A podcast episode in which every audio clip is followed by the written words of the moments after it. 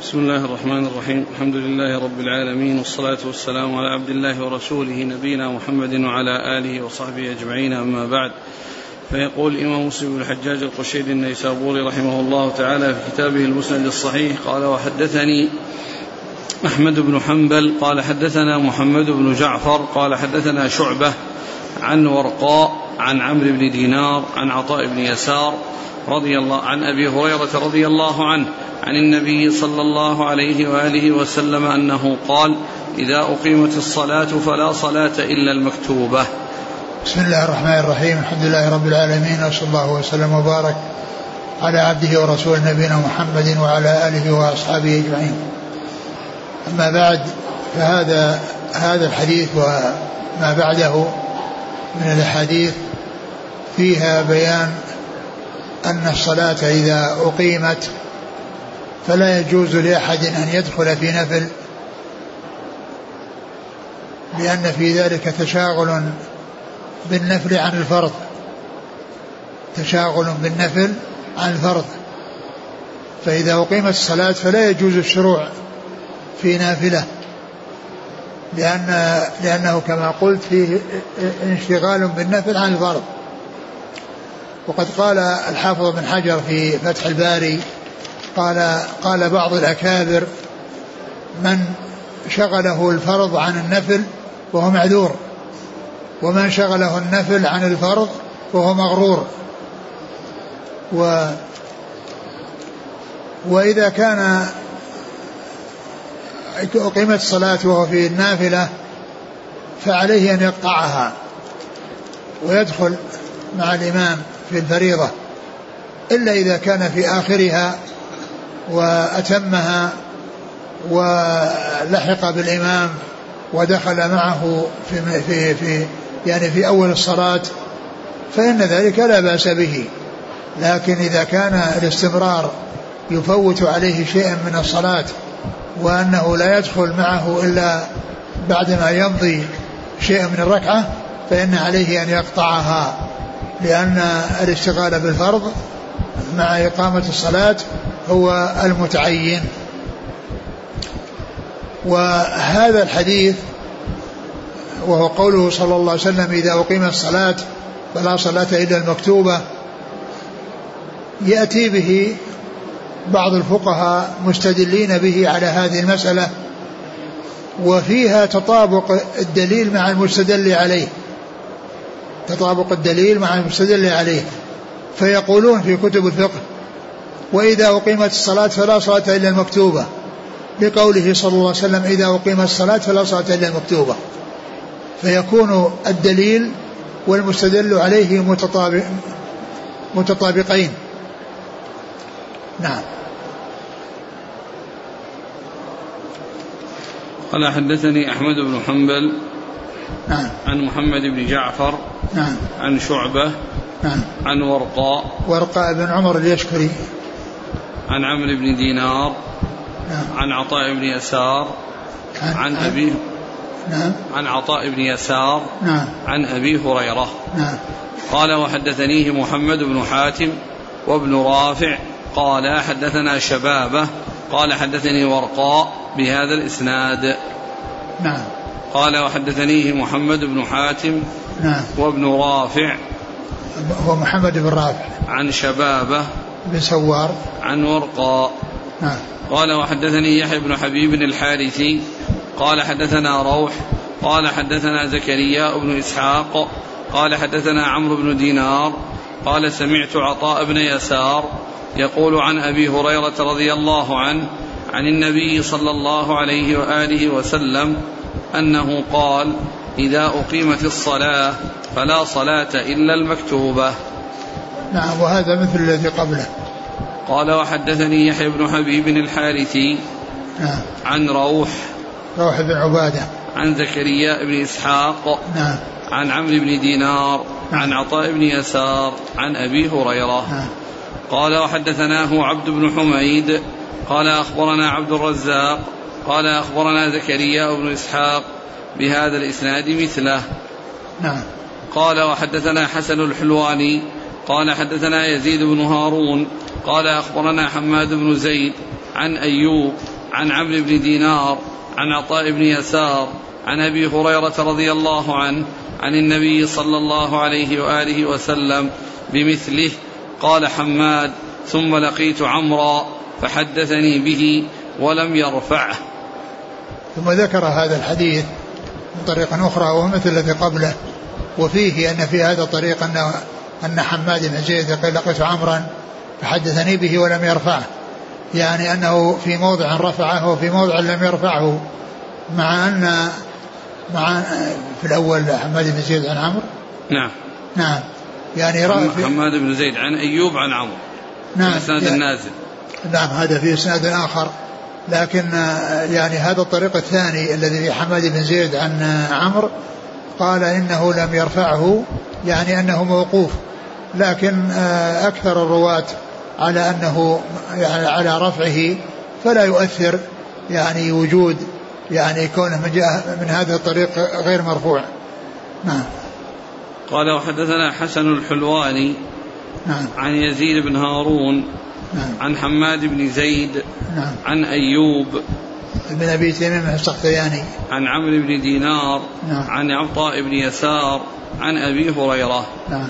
قال حدثنا عبد الله بن مسلمة القعنبي قال حدثنا إبراهيم بن سعد عن أبيه عن حفص بن عاصم عن عبد الملك بن عن عبد الله بن مالك بن بحينة رضي الله عنه أن رسول الله صلى الله عليه وسلم مر برجل يصلي وقد أقيمت صلاة الصبح فكلمه بشيء لا ندري ما هو فلما انصرفنا أحطنا نقول ماذا قال لك رسول الله صلى الله عليه وسلم؟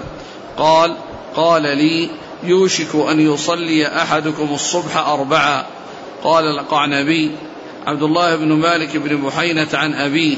قال أبو الحسين مسلم وقوله عن أبيه في هذا الحديث خطأ. ثم ذكر هذا الحديث الذي فيه أن النبي صلى الله عليه وسلم يعني بعدما أقيمت الصلاة مر برجل يصلي فتكلم معه بكلام لم لم يسمعوه ولكنه سمعه. فلما فرغ قالوا له أحاطوا به وقالوا ماذا قال لك رسول الله صلى الله عليه وسلم؟ قال يوشك أن يصلي أحدكم الفجر أربعا. يعني معناه أنه يصلي ثنتين بعد ما دخل في بعد ما دخل الإمام في الصلاة ثم يصلي معه. فيكون في هذه المدة التي بدأ الإمام في الصلاة صلى يعني أحد أو صلى رجل مثلا ركعتين يعني له النافلة والإمام يصلي ثم أدركه وصلى معه. فقال يوشك أن يصلي أحدكم الفجر أربعا لأن هذه الأربع كلها جاءت بعد الإقامة. لأن هذه الأربع كلها جاءت بعد الإقامة وهذا فيه إنكار عليه بأن أنه إذا أقيمت الصلاة فلا يتشاغل الإنسان بنافلة وإنما عليه أن يدخل في الفريضة. نعم. قال حدثنا عبد الله بن مسلمة القعنبي نعم. عن إبراهيم بن سعد نعم. عن أبيه إيه سعد بن إبراهيم. عن حفص بن عاصم نعم. عن عبد الله بن مالك بن بحينة رضي الله عنه. نعم. قال القعنبي عبد الله بن مالك مالك أبو عبد الله وبحينة أمه ولهذا فإن فإن ابن في مع بحينة آه، وصف لعبد الله فتكون مرفوعة أو تعرب إعراب يعني عبد الله بخلاف يعني مالك فإنه يكون يعني يعني يكون مضاف ويكون يعني ابن بين متناسلين يعني ممن ينسب إليه فتكون بدون ألف وإذا وأما مع ابن مع بحينة فإنها تكتب بالألف لأنه عبد الله بن مالك ابن بحينة. وقال مسلم في بعض الروايات أنه قال عن عبد الله بن مالك آه، عن أبيه قال وقوله عن أبيه هذا خطأ. وهو لا شك أنه خطأ لأن لأن أباه مالك يعني يعني آه، ما ذكر في الصحابة. ويعني فإذا ذكره عن أبيه جاءت عن سبيل على سبيل الخطأ من بعض الرواة اللي هو عنه قتيبة. القعنبي عن أبيه. اللي قعنبي اللي قال عن أبيه. نعم. نعم. قال قال النبي عبد الله بن مالك بن حين عن أبيه. قال أبو الحسين مسلم قولوا عن أبيه هذا في هذا الحديث خطأ. نعم. إن رواه مرتين إذا نعم. إذا القعنبي مرتين رواه مرتين. إيه نعم مرة مرة بدون أبيه ومرة نعم. بدون نعم نعم. يعني التي فيها ذكر أبيه خطأ. يعني مالك أبوه مالك ومالك بن قشب وهو ليس موجود في الإصابة. يعني وليس له يعني يعني فإذا ذكره يعني هذا جاء عن طريق الخطأ لكونه عن أبيه. نعم. قال حدثنا قتيبة بن سعيد قال حدثنا أبو عوانة عن سعد بن إبراهيم عن حفص بن عاصم عن ابن بحينة رضي الله عنه أنه قال أقيمت صلاة الصبح فرأى رسول الله صلى الله عليه وسلم رجلا يصلي والمؤذن يقيم فقال أتصلي الصبح أربعا؟ نعم ثم ذكر يعني هذا مثل الذي قبله قال له أتصلي الصبح أربعة نعم. قال حدثنا قتيبة بن سعيد عن أبي عوانة. الوضاح بن عبد الله اليشكري.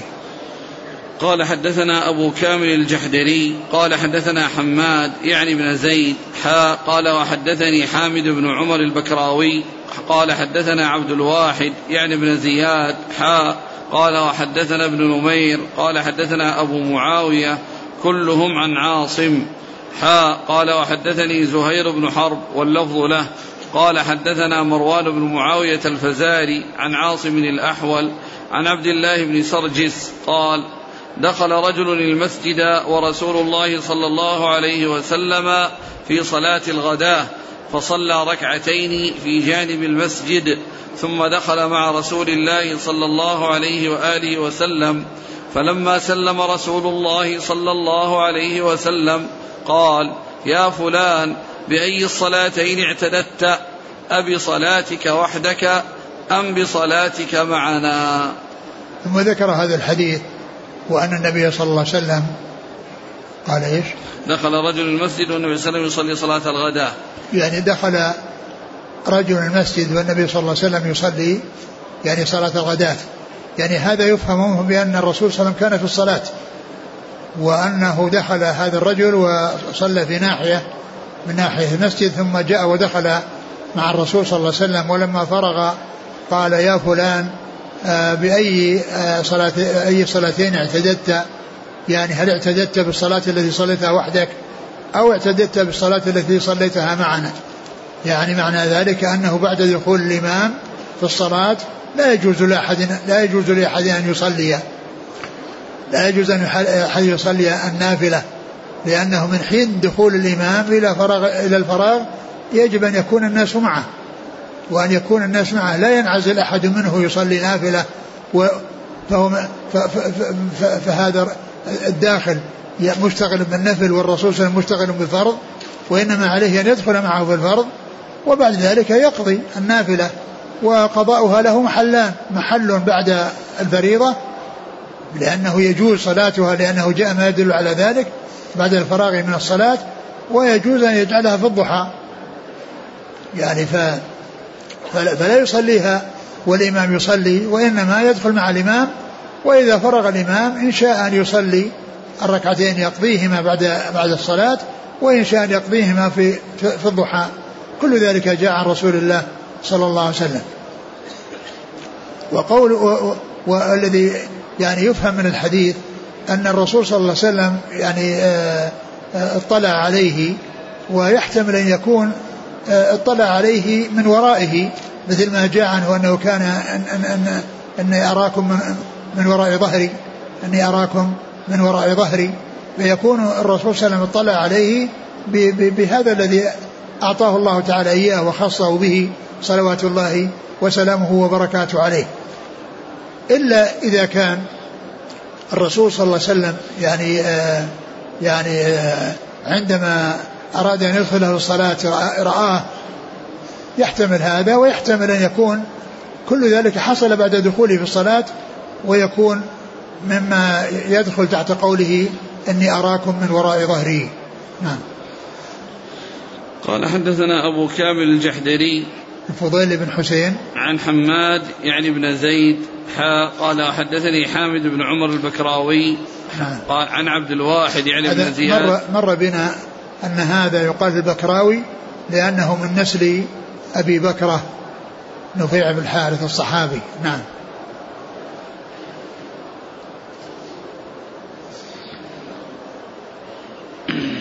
عن عبد الواحد يعني بن زياد عن قال وحدثنا ابن نمير محمد بن عبد الله بن نمير. عن أبي معاوية محمد بن خازم. كلهم عن عاصم. نعم.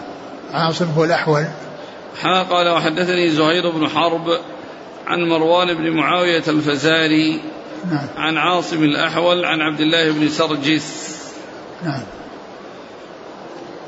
يقول أكثر من سؤال يسأل عن كيف تقطع النافلة عند إقامة المقيم للفريضة؟ هل هي بيكون بالسلام أو قطع بلا تسليم لا بدون, بدون سلام. تقطعها بدون سلام. هل تدخل الفريضة في حديث إذا أقيمت الصلاة فلا صلاة إلا مكتوبة؟ مثلا إذا دخل المسجد وقد قيم صلاة العشاء وهو لم يصلي المغرب فهل له أن يصلي المغرب وحده؟ ثم يدخل مع الإمام في صلاة العشاء. لا لا يفعل هذا وإنما يدخل مع الإمام في صلاة العشاء بنية المغرب. وإذا قام الإمام آه الذي يصلي العشاء للرابعة يجلس حتى يسلم ويسلم معه. قوله لا صلاة إلا المكتوبة النفي هنا نفي صحة لا بمعنى نفي إذا صلى النفل والإمام يصلي الصلاة المفروضة. لا نفي الكمال. نفي تصح الكمال. صلاته؟ نعم تصح صلاته الرسول ما أمر, ما, ما أمر بالإعادة.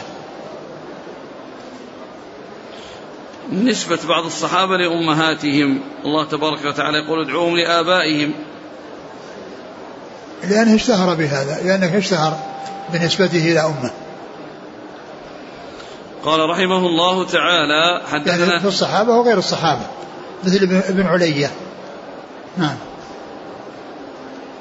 قال رحمه الله تعالى حدثنا يحيى بن يحيى قال أخبرنا سليمان بن بلال عن ربيعة بن أبي عبد الرحمن عن عبد الملك بن سعيد عن أبي حميد أو عن أبي أسيد رضي الله عنهما قال قال رسول الله صلى الله عليه وآله وسلم إذا دخل أحدكم المسجد فليقل اللهم افتح لي أبواب رحمتك وإذا خرج فليقل اللهم إني أسألك من فضلك. قال مسلم سمعت يحيى بن يحيى يقول كتبت هذا الحديث من كتاب سليمان بن بلال قال بلغني أن يحيى الحماني يقول وأبي أسيد. ثم ذكر هذا الحديث الذي فيه الدعاء عند دخول المسجد وعند الخروج منه وذلك أنه عند الدخول يقول اللهم افتح لي أبواب رحمتك وعند الخروج يقول اللهم افتح لي أبواب فضلك. وهذا مناسب لكل من الحالتين وذلك أن الإنسان عند جاء عندما كان جاء إلى المسجد يرجو رحمة الله وهو يسأل الله وهو داخل يسأله الرحمة وإذا خرج يسأله من فضله يسأله من فضله وهو أن يه- يهيئ له الخير وأن يكتب له الرزق. ولهذا جاء يعني في القرآن الكريم في, في بعد في صلاة الجمعة إذا نودي الصلاة من يوم فاسعوا إلى ذكر الله البيع. ثم قال في الآخر فإذا قضى الصلاة فانتشروا في الأرض وابتغوا من فضل الله.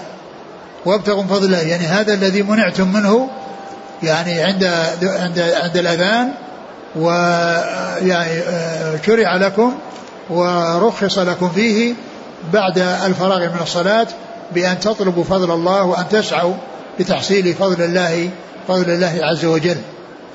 والحديث ذكر بالشك عن أبي حميد أو أبي سيد وفي بعضها آه، آه، آه، بالواو وبدون شك و و ولا إشكال في ذلك سواء كان عن الاثنين أو عن واحد منهم فإن ذلك كاف.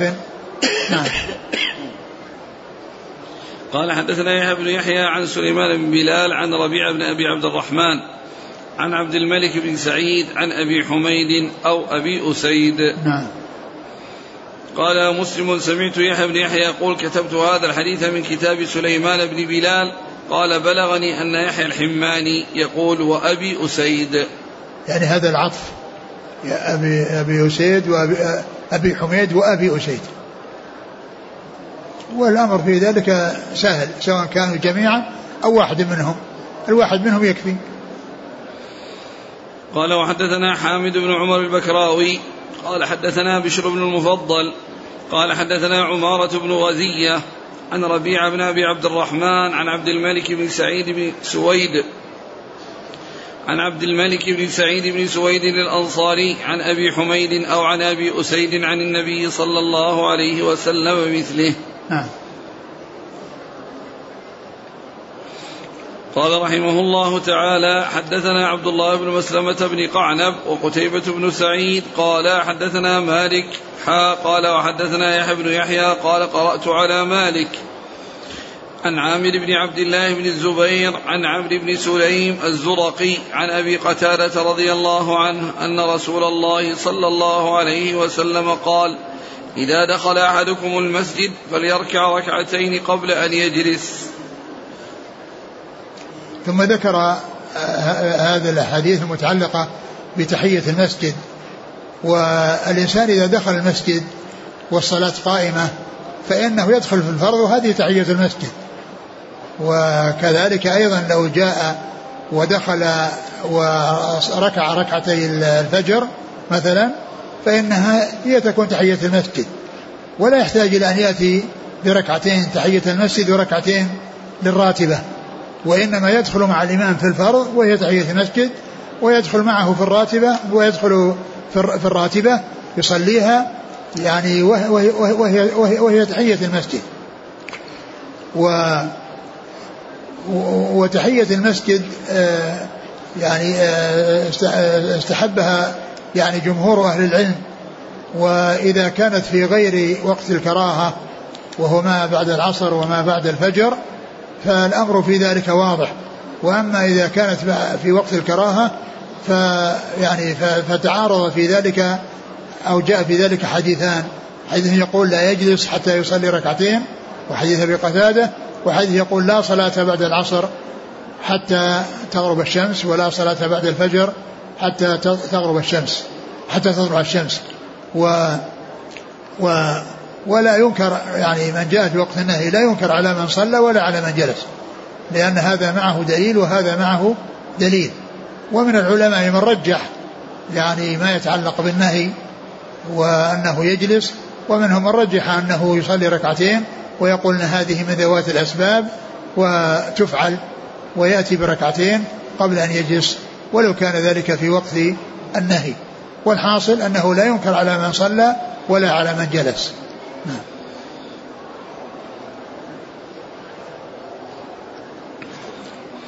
قال حدثنا أبو بكر بن أبي شيبة قال حدثنا حسين بن علي عن زائدة قال حدثني عمرو بن يحيى الأنصاري قال حدثني محمد بن يحيى بن حبان عن عمرو بن سليم ابن خلدة الأنصاري عن أبي قتادة رضي الله عنه صاحب رسول الله صلى الله عليه وسلم أنه قال دخلت المسجد ورسول الله صلى الله عليه وسلم جالس بين ظهراني الناس قال فجلست فقال رسول الله صلى الله عليه وسلم ما منعك أن ترك ركعتين قبل أن تجلس؟ قال فقلت يا رسول الله رأيتك جالسا رأيتك جالسا والناس جلوس. قال فإذا دخل أحدكم المسجد فلا يجلس حتى يركع ركعتين. ثم ذكر حديث أبي قتادة رضي الله عنه وأنه دخل المسجد والرسول صلى الله عليه وسلم جالس ومعه جماعة من أصحابه فجاء وجلس معهم. قال ما منعك أن أن تصلي قبل أن تجلس؟ قال رأيتك جالسا والناس جلوس. فقال عليه الصلاة والسلام إذا دخل المسجد فلا يجلس حتى يصلي فلا يصلي حتى, حتى فلا يجلس حتى يصلي ركعتين. نعم. قال حدثنا أبو بكر بن أبي شيبة عن حسين بن علي عن زائدة. حسين بن علي الجعفي زائدة بن قدامة. عن عمرو بن يحيى الأنصاري عن محمد بن يحيى بن حبان عن عمرو بن سليم بن خلدة الأنصاري عن أبي قتادة. نعم. والقتادة هو الحارث بن ربعي. أبو قتادة مشهور بكنيته أبو قتادة وهو الحارث بن ربعي الأنصاري. قال حدثنا أحمد بن جواس الحنفي أبو عاصم قال حدثنا عبيد الله الأشجعي عن سفيان عن محارب بن دثار عن جابر بن عبد الله رضي الله عنهما قال كان لي على النبي صلى الله عليه وآله وسلم دين فقضاني وزادني ودخلت عليه المسجد فقال فقال لي صل ركعتين. ثم ذكر هذا الحديث عن جابر رضي الله عنه وكذلك ما بعده عن جابر وكان آه، قد اشترى منه الرسول صلى الله عليه وسلم جمله وقد وهو في الطريق من غزوة تبوك واشترط ظهره إلى المدينة ولما جاء إلى المدينة آه، وكان جاء عند باب المسجد فلقي الرسول صلى الله عليه وسلم وأمره بأن يصلي ركعتين. وهذا يعني آه، يحتمل أن يكون متعلقا بالباب الذي بعده وهي صلاة المسافر القادم من السفر فإنه يصلي ركعتين لأن الحديث واحد والقصة واحدة. ويحتمل أن يكون التبويب الذي حصل من النووي أن محله قبل هذا الحديث.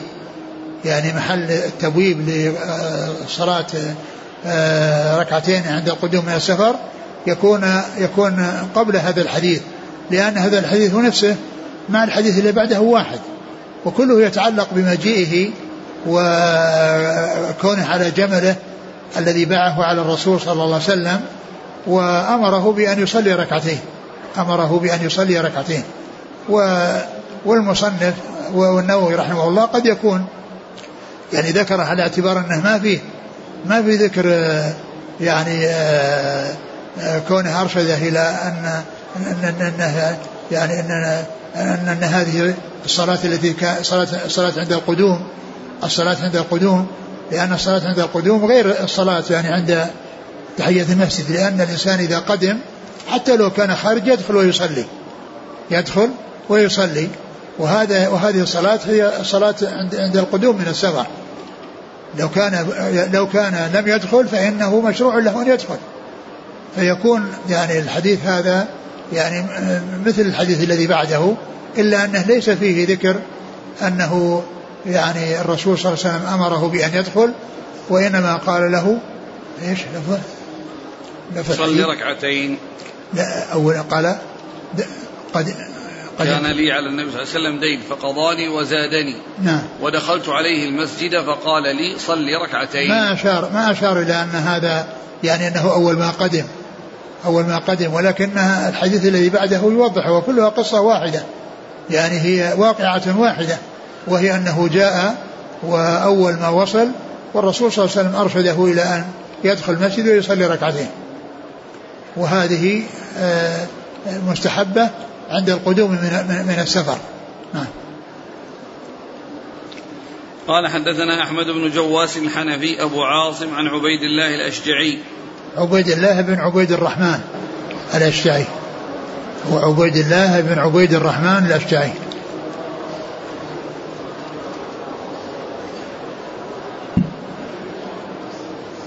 عن سفيان الثوري. عن محارب بن دثار عن جابر بن عبد الله. نعم.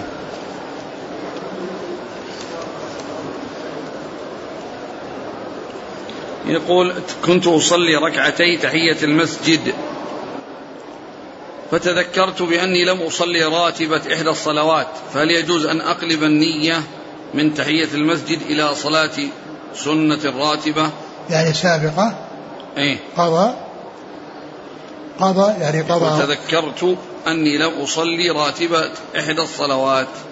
يعني كأن هذا قضى يعني الذي يبدو أنه يعني لا يحتاج إلى أن يقضي لأنها سنة فات محلها. نعم. يقول إذا دخلت المسجد وأنا صائم وأذن أذان المغرب فهل أشرب واقفا أو أجلس وأشرب؟ الشرب آه، قائم يعني جائز ولكنه الأولى خلافه. ولكن الأولى خلافه. وإذا كان أن, أن, أن هذا فليصلي ركعتين ثم يجلس ويفطر. لكن كونه يعني يشرب قائما يعني هو جائز ولكنه آه، خلاف الأولى. وإلا فإنه قد ثبت يعني ما يدل على جوازه. لكن لو صلى يعني ركعتين وثم يعني أفطر لا بأس بذلك. قال رحمه وإن فعل ذلك وهو قائم؟ كما قلت أنه يعني جاء عن عن علي وعن غيره ما يدل على جوازه لكنها الأحاديث الكثيرة عن رسول الله صلى الله عليه وسلم أنه كان يفعل ذلك عن جلوس لا عن قيام الذي هو الشرب. الأصل إن فعل هذا فلا بأس وإن فعل هذا فلا بأس. نعم قال رحمه الله تعالى حدثنا عبيد الله بن معاذ قال حدثنا أبي قال حدثنا شعبة عن محارب أنه سمع جابر بن عبد الله رضي الله عنهما يقول اشترى مني رسول الله صلى الله عليه وسلم بعيرا فلما قدم المدينة أمرني أن آتي المسجد فأصلي ركعتين. وهذا الحديث يبين أن الرسول صلى الله عليه وسلم يعني أمره بأن يأتي المسجد ويصلي ركعتين يعني صلاة القدوم من السفر. يعني سنة القدوم من السفر ليست آه، التي هي تحية المسجد. نعم.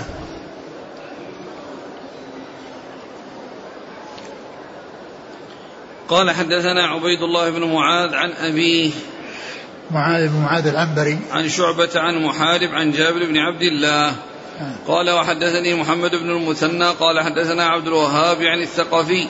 قال حدثنا عبيد الله عن وهب بن كيسان عن جابر بن عبد الله رضي الله عنهما أنه قال خرجت مع رسول الله صلى الله عليه وسلم في غزاة فأبطأ بي جملي وأعيا ثم قدم رسول الله صلى الله عليه وسلم قبلي وقدمت بالغداة فجئت المسجد فوجدته على باب المسجد قال الآن حين قدمت؟ قلت نعم. قال فدع جملك. وادخل فصل ركعتين. قال فدخلت فصليت ثم رجعت. وهذا يعني في قصة بيع جمل عن الرسول صلى الله عليه وسلم. وكان الرسول عليه السلام كان يعني يتأخر عن الجيش. وكان جابر تأخر عنهم بسبب آه، ضعف جمله وإعيائه. فالرسول صلى الله عليه وسلم ضربه فأسرع حتى كاد حتى صار يسبق الجيش وكان يعني يعني يمنعه أو يعني يرده يعني عن ذلك بعدما حصل له هذه القوة بعدما ضربه النبي صلى الله عليه وسلم ثم إنه اشتراه منه وتكلم معه في شراء فباعه إياه. ولما وصل إلى المدينة وجاء عند المسجد وقال الآن وصلت؟ قال نعم. قال دع بعيرك وادخل المسجد وصلي ركعتين. دع بعيرك وادخل المسجد وصل ركعتين. يعني معناه يدخل ليصلي هذه آه، آه، السنة التي هي آه، ركعتي القدوم من السفر بأن يبدأ شيء يكون في المسجد بأن يصلي فيه ركعتين. نعم. ثم إنه وفاه وقال خذ جملك ودراهمك. يعني أعطاه النقود التي شرى منها الجمل وأعطاه الجمل معها. نعم.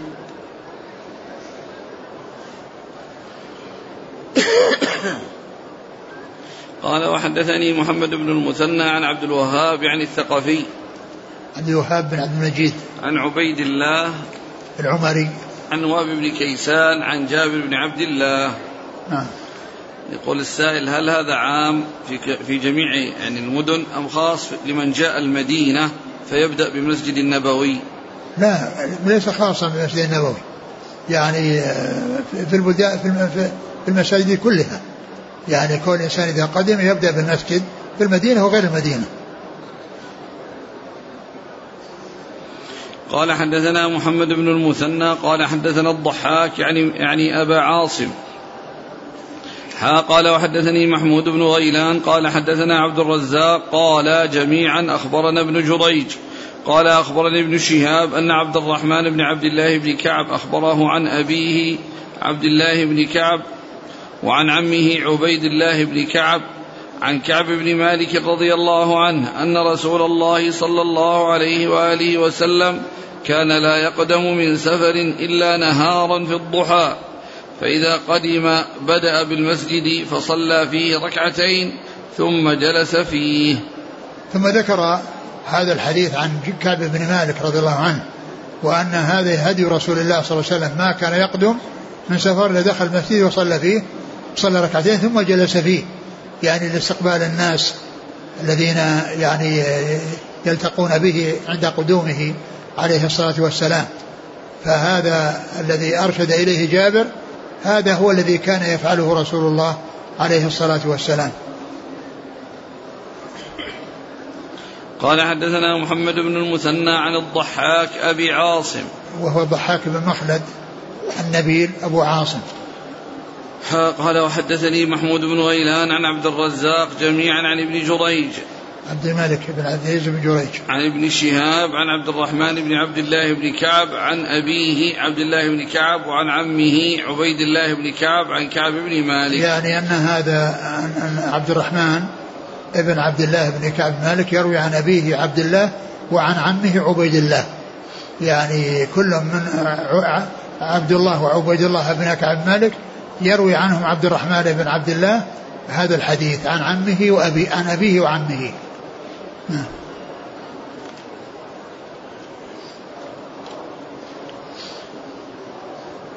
قال رحمه الله تعالى وحدثنا يحيى بن يحيى قال أخبرنا يزيد بن زريع عن سعيد الجريجي الجريري عن عبد الله بن شقيق قال قلت لعائشة رضي الله عنها هل كان النبي صلى الله عليه وسلم يصلي الضحى؟ قالت لا إلا أن يجيء من مغيبه. ثم ذكر الأحاديث المتعلقة بصلاة الضحى يعني من قوله ومن فعله عليه الصلاة والسلام. ففي هذا الحديث أن عائشة سئلت هل كان النبي صلى الله عليه وسلم يصلي الضحى؟ قالت لا إلا أن يأتي من مغيبه يعني يعني من سفره. المغيب هو السفر. وكان هدي صلى الله عليه وسلم أنه إذا دخل إذا جاء كما مرت الأحاديث الذي قبل هذا يدخل ويصلي ركعتين. وكان وكان مجيئه ودخوله إنما هو في الغالب في الضحى. فيدخل المسجد ويصلي ركعتين. فقالت عائشة إن هذا هو الذي فعله الرسول عليه الصلاة والسلام يعني عند يعني من مغيبه. وجاء عنها ما يدل على أنها أفادت بأنه كان يصلي اربعا. و وجاء من من من قوله صلى الله عليه وسلم الوصية بذلك بصلاه ركعتي الضحى وجاء يعني من فعله في قصة أم هانئ وأنه صلى يعني ثمان ركعات وقيل إنها يعني إنها صلاة الضحى وأن أقلها ركعتين وأن أكثرها ثمان. نعم. قال وحدثنا يحيى بن يحيى عن يزيد بن زريع عن سعيد الجريري سعيد بن إياس. عن عبد الله بن شقيق عن عائشة. نعم. قال وحدثنا عبيد الله بن معاذ. قال حدثنا أبي قال حدثنا كهمس بن الحسن القيسي. عن عبد الله بن شقيق قال قلت لعائشة أكان النبي صلى الله عليه وسلم يصلي الضحى؟ قالت لا إلا أن يجيء من مغيبه. نعم وهذا مثل الذي قبله. قال حدثنا يحيى بن يحيى قال قرأت على مالك عن ابن شهاب عن عروة عن عائشة رضي الله عنها أنها قالت ما رأيت رسول الله صلى الله عليه وآله وسلم يصلي سبحة الضحى قط وإني لأسبحها وإن كان رسول الله صلى الله عليه وسلم لا يدع العمل وهو يحب أن يعمل به خشية أن يعمل به الناس فيفرض عليهم. ثم ذكر هذا الحديث عن عائشة وأنها ما رأت النبي صلى الله عليه وسلم يصلي الضحى إلا يعني وهي وهي تصليها وأن الرسول صلى الله عليه وسلم كان يعني يعمل بشيء أو يحب العمل بشيء ولكنه لا يحب الاستمرار عليه خشية أن يفرض على الناس. وهذا مثل ما جاء في صلاة التراويح أن الرسول صلى الله عليه وسلم صلى بهم يعني في آخر الشهر يعني يومين وأنهم تكاثروا وحتى امتلأ المسجد. فلم يخرج عليهم رسول الله صلى الله عليه وسلم وأخبرهم بأنه خشي أن ما منعه إلا خشية أن يفترض. فلما توفي الرسول صلى الله عليه وسلم وذهب آه، وانتهى وقت التشريع والإيجاب آه، فعله عمر بن الخطاب رضي الله عنه وعاد عمر رضي الله عنه الناس إلى هذه السنة التي فعلها رسول الله صلى الله عليه وسلم في في في حياته ولكنها تركها خشية أن يفرض. وهنا هذا الحديث عن عائشة أنها قالت إن الشيء أن الرسول يترك الشيء خشية أن يفرض. وجاء عنها أنه كان يصلي أربعا كما سيأتي ويحمل ذلك على أن أنه حصل حصل منه ذلك ولكنه كان يترك يعني خشية أن يفرض كما جاء في هذه الرواية التي أنه يترك الشيء خشية أن يفرض على الناس. نعم. قال حدثنا يحيى بن يحيى قال قرأت على مالك عن ابن شهاب عن عروة عن عائشة. نعم. قال حدثنا شيبان بن فروق قال حدثنا عبد الوارث قال حدثنا يزيد يعني ابن يعني الرشك قال حدثتني معاذة أنها سألت عائشة رضي الله عنها كم كان رسول الله صلى الله عليه وسلم يصلي صلاة الضحى؟ قالت أربع ركعات ويزيد ما شاء. ثم ذكر هذا الحديث أن أن معاذة نعم. سألت عائشة كم كان؟ وهذا يعني هذا السؤال فيه أن أن الصلاة يعني موجودة وأن صلاة الضحى معروفة وأن الرسول كان يفعلها وسؤالها عن العدد لا عن الصلاة. فأخبرته بأنها كان يصلي أربعا ويزيد ما شاء يعني يصلي أربعا ويزيد ما شاء. فيكون ما ما جاء من من من الروايات من كونه آه، عنها أنها فعل. وأنه لم يفعل محمول على أنه يعني يفعل ذلك في بعض الأحيان وأنه يترك ذلك في بعض الأحيان خشية أن يفرض أن يفرض أو تفرض صلاة الضحى على الناس. نعم. قال حدثنا شيبان بن فروق عن عبد الوارث بن سعيد العنبري. عن يزيد يعني الرشك. نعم. يزيد بن أبي يزيد الضبعي. نعم.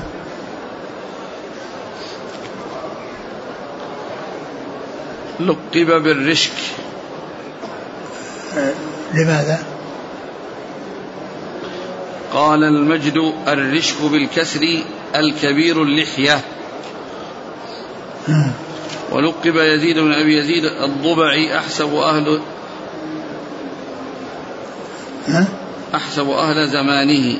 فالظاهر أنه كانوا أنه كان كبير اللحية فلقب به. نعم وقيل إن الرشك هو القسام بلغة أهل البصرة. قسام يقسم بين الناس حقوقهم. عن معاذة. العدوية. عن عائشة. نعم. قال حدثنا محمد بن المثنى وابن بشار قال حدثنا محمد بن جعفر قال حدثنا شعبة عن يزيد بهذا الإسناد مثله. وقال يزيد ما وقال يزيد ما شاء الله. يعني هناك قال ويزيد وهنا يعني ما شاء الله ما شاء الله. يعني ما شاء الله وأن يزيد. يزيد ما شاء الله وأن يزيد. الأولى ويزيد ما شاء. يعني ما شاء فقط. نعم ما شاء فقط. نعم يعني الرسول صلى الله عليه وسلم هنا ما شاء الله. وهنا ما شاء الله وأن يزيد. يعني ما شاء الله وأن يزيد. تقدير. ها؟ تقديرها. نعم هذا تقدير ما شاء الله العبارة يزيد ما شاء الله. يعني يعني ما شاء الله وأن يزيد. نعم. قال وحدثني يحيى بن حبيب الحارثي قال حدثنا خالد بن الحارث عن سعيد قال حدثنا قتادة أن معاذة العدوية حدثتهم عن عائشة رضي الله عنها قالت كان رسول الله صلى الله عليه وسلم يصلي الضحى أربعة ويزيد ما شاء الله. نعم. قال حدثني يحيى بن حبيب الحارثي عن خالد بن الحارث عن سعيد عن قتادة. نعم. سعيد. سعيد بن مسيب. ابن أبي عروبة. لا سعيد عن قتادة. إيه. آه ابن أبي عروبة. هو, هو كل ما جاء كل ما جاء سعيد عن قتاده فالمراد به ابن أبي عروبة. قال وحدثنا إسحاق بن إبراهيم وابن بشار جميعا عن معاذ بن هشام قال حدثني أبي عن قتادة بهذا الإسناد مثله. نعم. معاذ بن هشام عن أبيه. هشام الدستوائي. قال حدثنا محمد بن المثنى وابن بشار قال حدثنا محمد بن جعفر قال حدثنا شعبة عن عمرو بن مرة عن عبد الرحمن بن أبي ليلى قال ما أخبرني أحد أنه رأى النبي صلى الله عليه وسلم يصلي الضحى إلا أم هانئ رضي الله عنها. فإنها حدثت أن النبي صلى الله عليه وسلم دخل بيتها يوم فتح مكة فصلى ثماني ركعات. ما رأيته صلى صلاة قط أخف منها غير أنه كان يتم الركوع والسجود. ولم يذكر ابن بشار في حديثه قوله قط. ثم ذكر هذا الحديث عن أم هانئ وأن أنها دخلت على الرسول صلى الله عليه وسلم وكان يعني كانت كما سيأتي في بعض الروايات وفاطمة تستره وأنها سلمت عليه ورد عليه السلام وقال مرحبا بأم هانئ ثم إنه صلى عليه السلام يعني ثماني ركعات و يعني أخفها يعني بأن يكون القيام قريب قريب من الركوع أو الركوع والسجود قريب من القيام. يعني أنها يعني متقاربة يعني في التخفيف ليس فيها تطويل في القراءة بحيث يكون فيه طول زائد عن الركوع والسجود وإنما هو مقارب له. ومعنى ذلك كما قال أنها أخفها يعني أنها صلاها خفيفة لم يطولها. نعم. وهذه على قيل إنها صلاة الضحى. وقيل إنها يعني صلاة شكر الله عز وجل على الفتح الذي قد حصل. ولكن لانها معتبرة على أنها الضحى لانها لأن لأنها في وقت الضحى وهي جاءت والرسول صلى الله عليه وسلم يصليها. ولهذا قالوا ان إن صلاة الضحى آه، تكون ثمان ركعات. لحديث أم هانئ. نعم.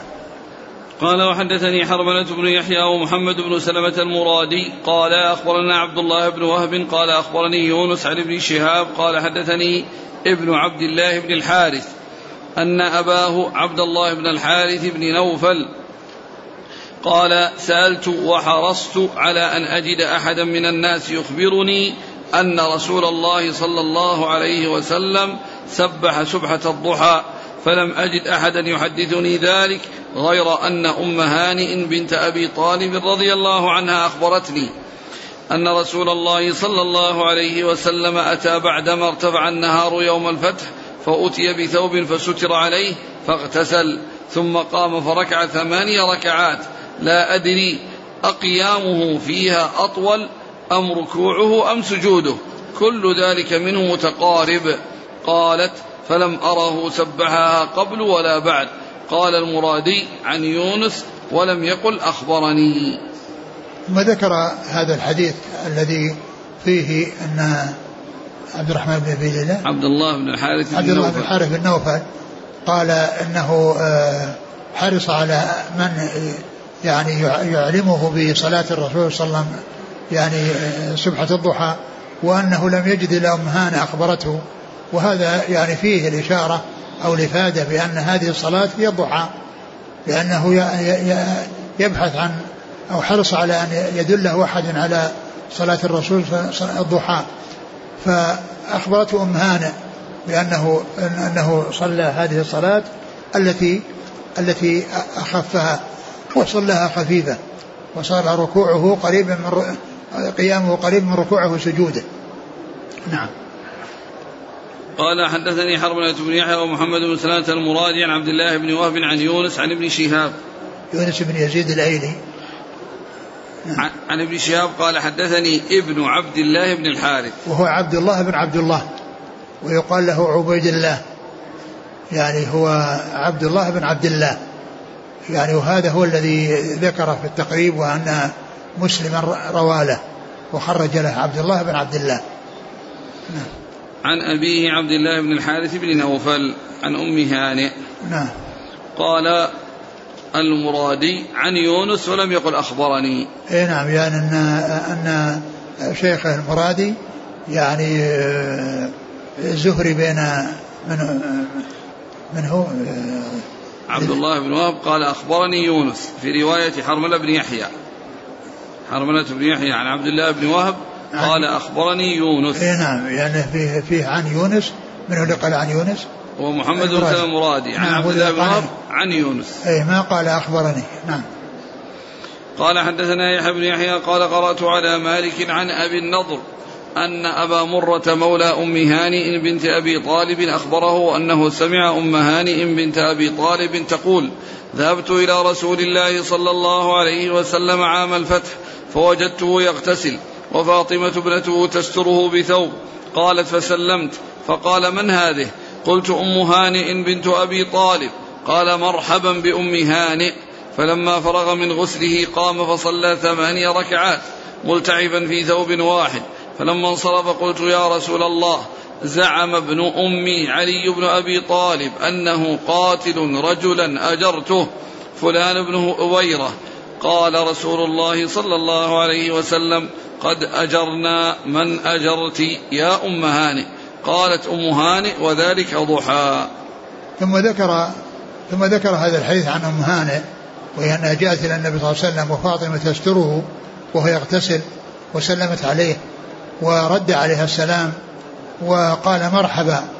وهذا يعني يدل على استعمال هذا اللفظ يعني في الترحيب ولكنه ما يكون بدل السلام وإنما يؤتى به بعد السلام. يعني بعد أن يسلم ويرد عليه السلام يقول مرحبا.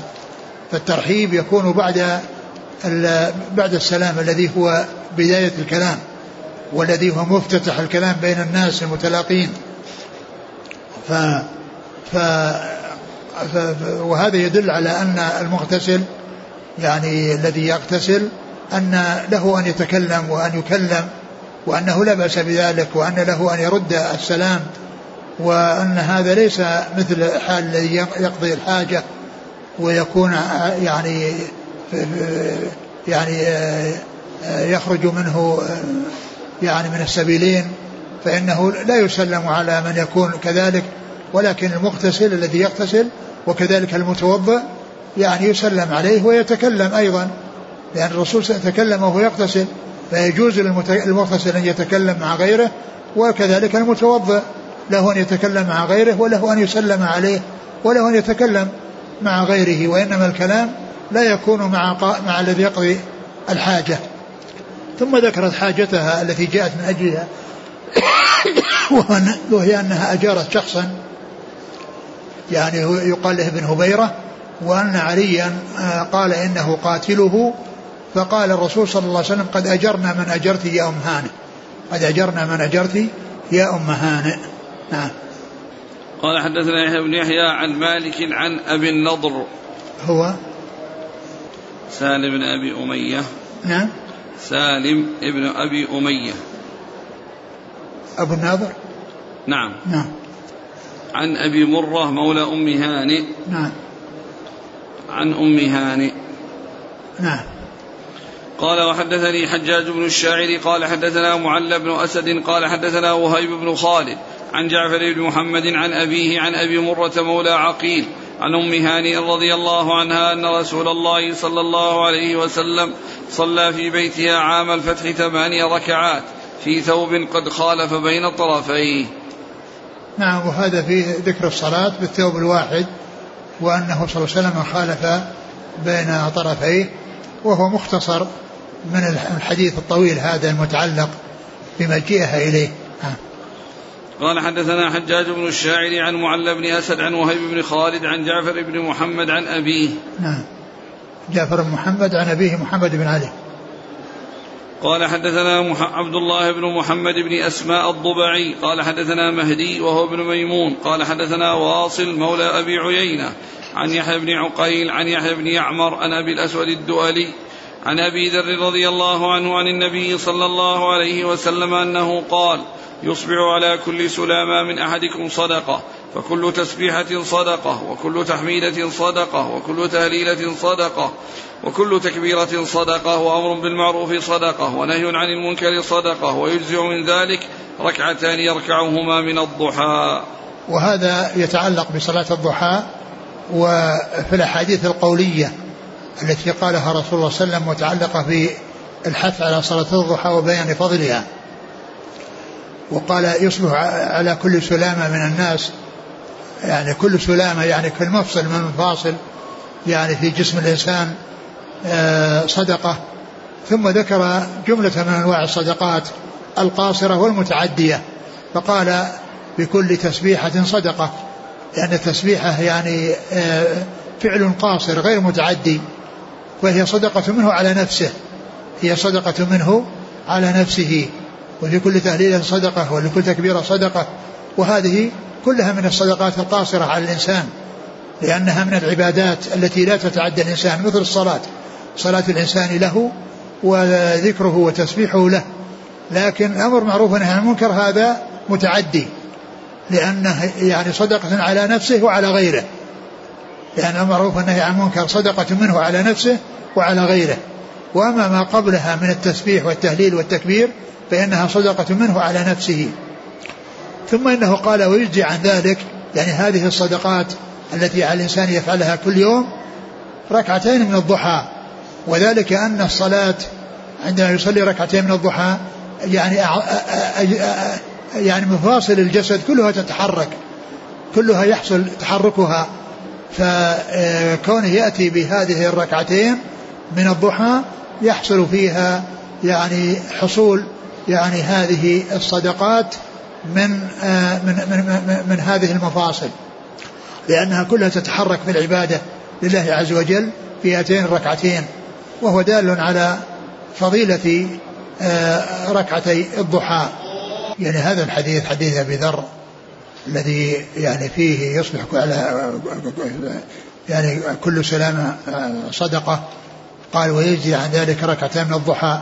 يعني أن هذه الصدقات التي على هذه الأعضاء تحصل بفعل هاتين الركعتين في الضحى لأنها كلها تتحرك فيها الأعضاء والمفاصل في هذه العبادة. ف يعني هذه الصدقات التي ذكرها يغني عنها ويكفي عنها ويجزي عنها ركعتان يأتي بهما من الضحى وهو دال على فضيلة صلاة الضحى وعلى أهميتها وعلى عظيم شأنها. نعم. قال حدثنا عبد الله بن محمد بن اسماء الضبعي عن مهدي وهو ابن ميمون عن واصل مولى أبي عيينة عن يحيى بن عقيل عن يحيى بن يعمر عن أبي الأسود الدؤلي وهو ظالم بن عمرو بن سفيان. عن أبي ذر. وهو جندب بن جنادة.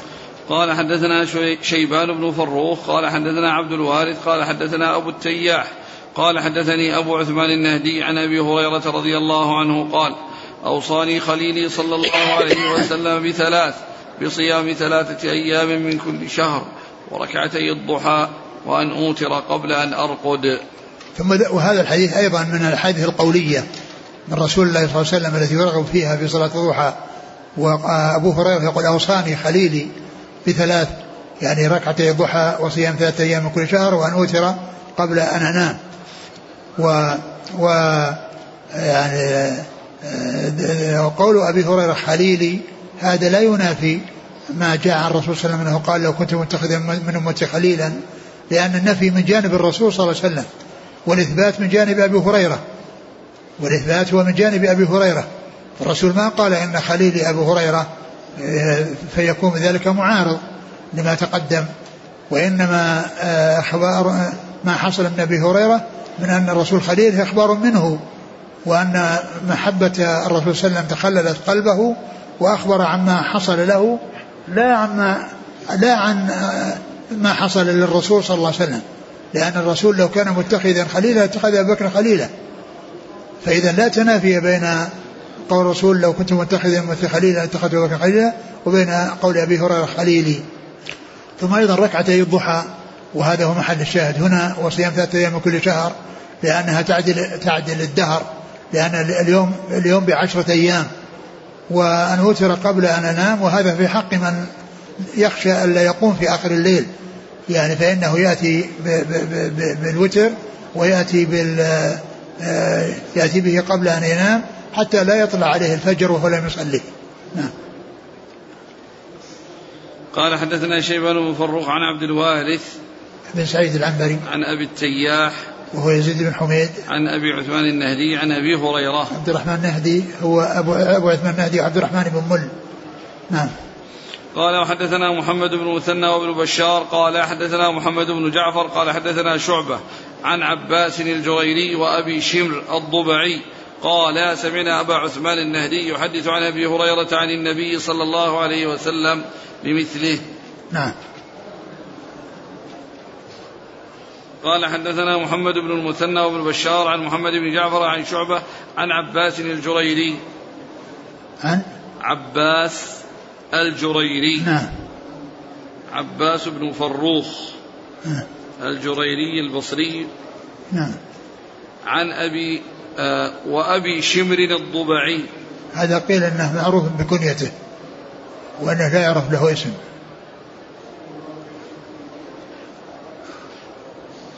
عن أبي عثمان النهدي عن أبي هريرة.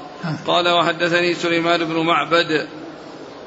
قال حدثنا معل بن أسد. قال حدثنا عبد العزيز بن مختار عن عبد الله الداناج. قال حدثني أبو رافع الصائغ. قال سمعت أبا هريرة رضي الله عنه قال أوصاني خليلي أبو القاسم صلى الله عليه وسلم بثلاث فذكر مثل حديث أبي عثمان عن أبي هريرة رضي الله عنه. نعم. قال وحدثني سليمان بن معبد عن معل بن أسد عن عبد العزيز بن مختار عن عبد الله الداناج. نعم. عبد الله بن فيروز الداناج. نعم. الداناج العالم بالفارسية. نعم. عن أبي رافع الصائغ وهو نفيع عن أبي هريرة. قال وحدثني هارون بن عبد الله ومحمد بن رافع. قال حدثنا ابن أبي فديك عن الضحاك بن عثمان عن إبراهيم بن عبد الله بن حنين عن أبي مرة مولى أم هانئ عن أبي الدرداء رضي الله عنه قال أوصاني حبيبي صلى الله عليه وسلم بثلاث لن أدعهن ما عشت بصيام ثلاثة أيام من كل شهر وصلاة الضحى وبأن لا أنام حتى أوتر. وهذا عن ابي الدرداء مثل ما جاء عن أبي هريرة. وأبو هريرة عبر بقوله خليلي وأبو الدرداء عبر بقوله حبيبي. ومعلوم أن الخلة هي أكمل من المحبة. نعم. قال حدثني هارون بن عبد الله ومحمد بن رافع عن ابن أبي فديك. هو محمد؟ محمد بن إسماعيل بن مسلم. نعم. عن الضحاك بن عثمان عن إبراهيم بن عبد الله بن حنين عن أبي مرة مولى أم هانئ عن أبي الدرداء. نعم الحث على سنة الفجر. شوف كلام النووي في الجمع بين الأحاديث. الجمع بين أحاديث صلاة يعني من أثبت الضحى وأنك ونفاها نعم. يقول هذه الأحاديث كلها متفقة لا اختلاف بينها عند أهل التحقيق وحاصلها أن الضحى سنة مؤكدة وأن أقلها ركعتان وأكملها ثمان ركعات وبينهما أربع أو ست كلاهما أكمل من ركعتين ودو- ودون ثمان. وأما الجمع بين حديثي عائشة في نفي صلاته صلى الله عليه وسلم الضحى وإثباتها فهو أن النبي صلى الله عليه وسلم كان يصليها بعض الأوقات لفضلها ويتركها في بعضها خشية أن تفرض كما ذكرته عائشة. ويتأول, ويتأول قولها ما كان يصليها إلا أن يجيء من مغيبه على أن معناه ما رأيته كما قالت في الرواية الثانية ما رأيت رسول الله صلى الله عليه وسلم يصلي سبحة الضحى. وسببه أن النبي صلى الله عليه وسلم ما كان يكون عند عائشة في وقت الضحى إلا في نادر من الأوقات فإنه قد يكون في ذلك مسافرا وقد يكون حاضرا ولكنه في المسجد أو في موضع آخر. وإذا كان عند نسائه فإنما كان لها يوم من تسعة فيصح قولها ما رأيته يصليها وتكون قد علمت بخبره أو خبر غيره أنه صلاها أو يقال قولها ما كان يصليها أي ما يداوم عليها فيكون نفيا للمداومة لا لأصلها والله أعلم. وأما ما صح عن ابن عمر أنه قال في الضحى هي بدعة فهو محمول على أن صلاتها في المسجد والتظاهر بها كما كانوا يفعلونه بدعة لا أن أصلها في البيوت ونحوها مذموم أو يقال قوله بدعة أي المواظبة عليها لأن النبي صلى الله عليه وسلم لم يواظب عليها خشية أن تفرض وهذا في حقه صلى الله عليه وسلم. وقد ثبت استحباب المحافظة في حقنا بحديث أبي الدرداء وأبي ذر أو يقال إن ابن عمر لم يبلغه فعل النبي صلى الله عليه وسلم الضحى وأمره بها وكيف كان فجمهور العلماء على استحباب الضحى وإنما نقل التوقف فيها عن ابن مسعود وابن عمر والله أعلم. والله تعالى أعلم وصلى الله وسلم وبارك على عبده ورسوله نبينا محمد وعلى آله وأصحابه أجمعين. جزاكم الله خيرا وبارك الله فيكم. ألهمكم الله الصواب وفقكم للحق. شافاكم الله وعافاكم ونفعنا الله ما سمعنا وغفر الله لنا ولكم وللمسلمين أجمعين. آمين, آمين.